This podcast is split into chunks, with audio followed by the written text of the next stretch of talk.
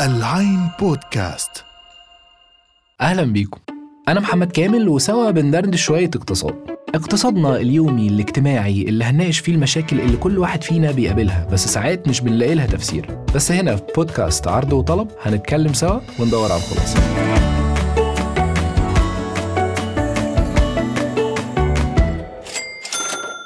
طبعا محدش فينا ما بيشتريش أونلاين دلوقتي. من ساعة الكورونا والقعدة في البيت إيدينا خدت على الشراء من المتاجر الإلكترونية سواء بقى من المنصات أو التطبيقات المخصصة للتسوق الإلكتروني الموجودة والمنتشرة في أغلب دول العالم دلوقتي أو البياعين والمحلات الصغيرة اللي بتعرض منتجاتها على منصات التواصل الاجتماعي وال social media المختلفة. ولما فترة كورونا عدت خلاص بقينا مستريحين لفكرة الشراء أونلاين وخصوصا مع التطور والتنوع في خدمات الدفع الإلكتروني. فبقيت بتشتري بسهولة من غير ما تنزل وتفرهد نفسك. والمنتج بيجي لك لحد البيت. ده غير بقى العروض والخصومات اللي ما بتلاقيهاش غير أونلاين. كلام جميل. بس اسمع من أخوك كامل المفيد. الشراء أونلاين عظيم وكل حاجة. بس أحيانا بيتلعب بيك وبيتجرب عليك أساليب نفسية من منصات وبياعين الاونلاين بتخدعك وتخليك بدل ما تشتري حاجة واحدة تشتري حاجتين وتلاتة. اللي أنا بقوله لك ده مش كلام وخلاص. ده ناتج من دراسات اتعملت في أكبر جامعات العالم على آلاف المتاجر الإلكترونية وبتتسمى الأنماط المظلمة أو ال dark patterns وهنخش في التفاصيل كمان شوية. حجم التجارة الإلكترونية في 2021 وصل ل 4.9 تريليون دولار. متخيل؟ أيوة تريليون أبو 12 صفر ده. وفي 2022 متوقع يوصل لحوالي 5.5 تريليون دولار. عالميا عدد الناس اللي عملوا shopping online أو تسوقوا عبر الإنترنت في 2021 وصل لحوالي 2.14 مليار بني آدم. ودول اللي استخدموا المتاجر الإلكترونية على الأقل مرة واحدة طول السنة. ده رقم مهول على فكرة. وخصوصا لما تعرف إنه بيمثل تقريبا ربع سكان الكوكب.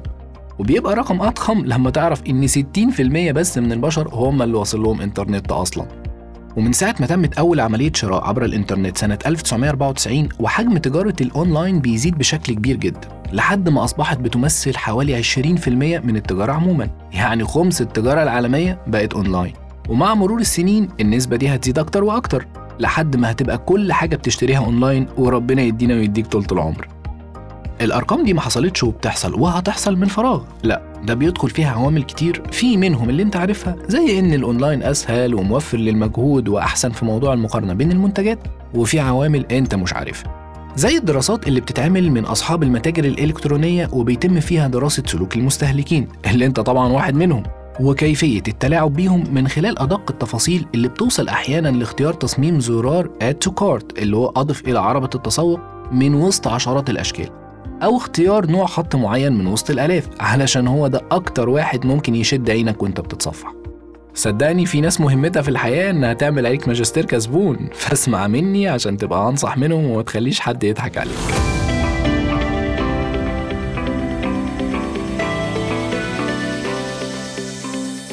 في نوفمبر 2019 مجموعة من الباحثين في جامعة برينستون وجامعة شيكاغو قاموا بدراسة لأكثر من 11 ألف موقع تجارة إلكتروني في جميع أنحاء العالم.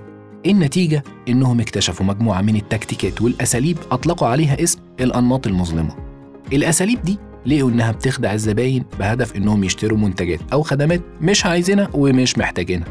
وفي تقريرهم قالوا إن كتير من الأنماط المظلمة دي غير قانونية وبالمناسبة الدراسة دي سموها باسم الأنماط المظلمة على نطاق واسع أو نتائج الزحف الإلكتروني ل 11000 موقع تسوق عشان لو عايز تقراها وتعرف تفاصيل أكتر. ممكن تقولي ويعني ما طول عمر التجارة شطارة والتجار دايما بيبقى ليهم أساليب عشان يبيعوا أكتر للزبون. مش حاجة جديدة ومش هتفرق سواء محل ولا على الإنترنت.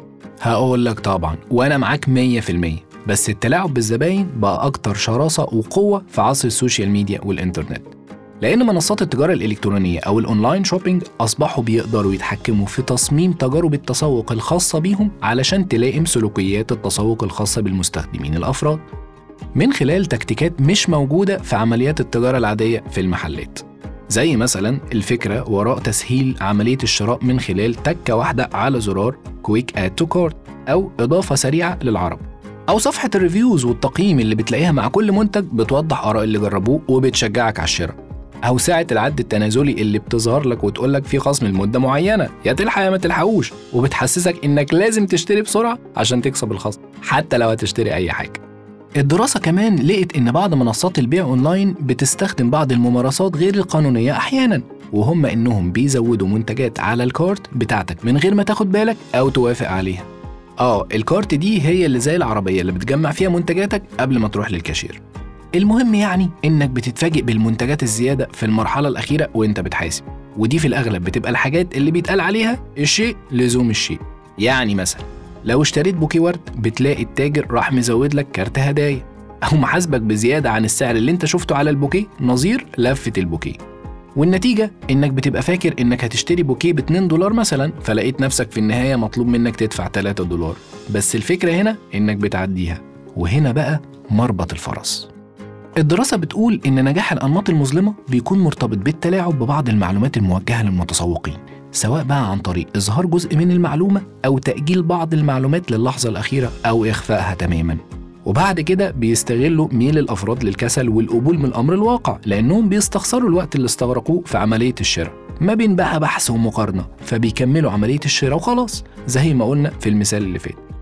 بعد بقى ما بتوصل لمرحلة ال check out يا صديقي وبتلاقي نفسك هتدفع فلوس لحاجات زيادة فبتقول آه خلاص مفيش مشكلة ما جاتش يعني على الدولار الزيادة خلينا أجيب البوكيه وخلاص. في نوع تاني من الأنماط المظلمة اتكلمت عليها الدراسة وهي إنهم بيوهموا العميل أو المتسوق إن المنتج أو الخدمة اللي بيقدموها موجود منها كميات محدودة وبس وإن عليها طلب كبير فلازم تلحق لا تضيع وده في الأغلب بنشوفه في مواقع السفر المختلفة والمنتشرة من فترة طويلة. لما بتدور على سعر غرفة في فندق وتلاقيه بيقول لك مش فاضل إلا غرفة واحدة وملحوظة مهمة كده منه مكتوب على الموقع إن في شخص تاني عنده نفس اهتمامك بيها وبيبص عليها دلوقتي زيك. والفندق أصلا بيكون كله فاضي. وبرضه بتشوف نفس الطريقة في حجوزات المطاعم والسينمات لما يقولك آه خلاص ده آخر كرسي في القاعة أو دي آخر ترابيزة في المحل. وده كمان بيظهر في مواقع محلات الملابس البراندات اللي ساعات بتظهر لك عداد لعدد القطع المتوفرة وبتشوفه كل شوية بينقص لحد ما يوصل لقطعتين تلاتة فهوب بتجري تشتري بتكة زرار أحسن ما يتخطفوا لا ومش بس كده. ده كمان بيحط سعر لكل الخدمات والمنتجات اللي قلت لك عليها أعلى من الطبيعي. والأسلوب ده بيلعب على النمط النفسي المعروف باسم تحيز البشر للندرة أو ميل البني آدمين إنهم يتقبلوا قيمة أعلى للأشياء لمجرد تصورهم إنها أشياء نادرة ومحدودة.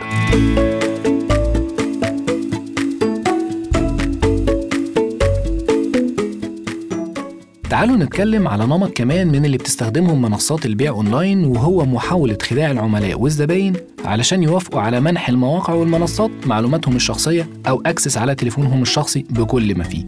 وبالتالي المواقع دي بتقدر تفصل تجربة الاستخدام على مقاسك بالظبط. ومجرد ما تفكر في منتج تلاقيه في وشك.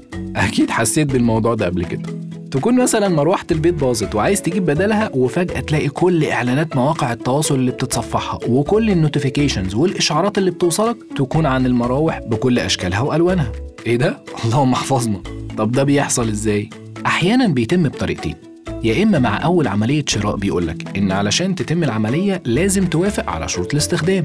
وطبعا بتوافق وإنت مش مدي خوانة وحتى لو لقيت إنهم هياخدوا أكسس على بياناتك بتقول آه مش مستاهلة يعني هم يعرفوا إيه يعني؟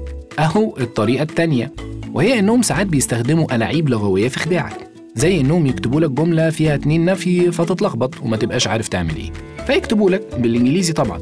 ما تعملش علامة صح على البند ده لو مش عايز تدينا access على بياناتك. إيه ده؟ ده أنا نفسي اتلخبطت من الجملة.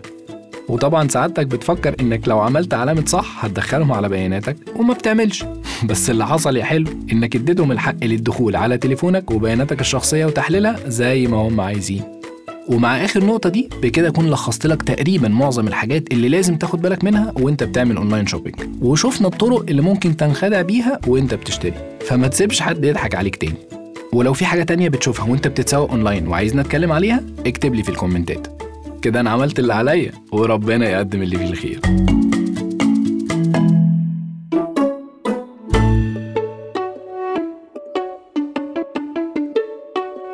دي كانت دردشتنا النهارده. ما تنسوش ال like وال share قبل ما تمشوا وما تنسوش تسمعونا على موقعنا العين dot com slash podcast وعلى مختلف المنصات Apple Podcast Spotify Google Deezer أنغامي و SoundCloud. كنت معاكم محمد كامل في عرض وطلب. دمتم بخير.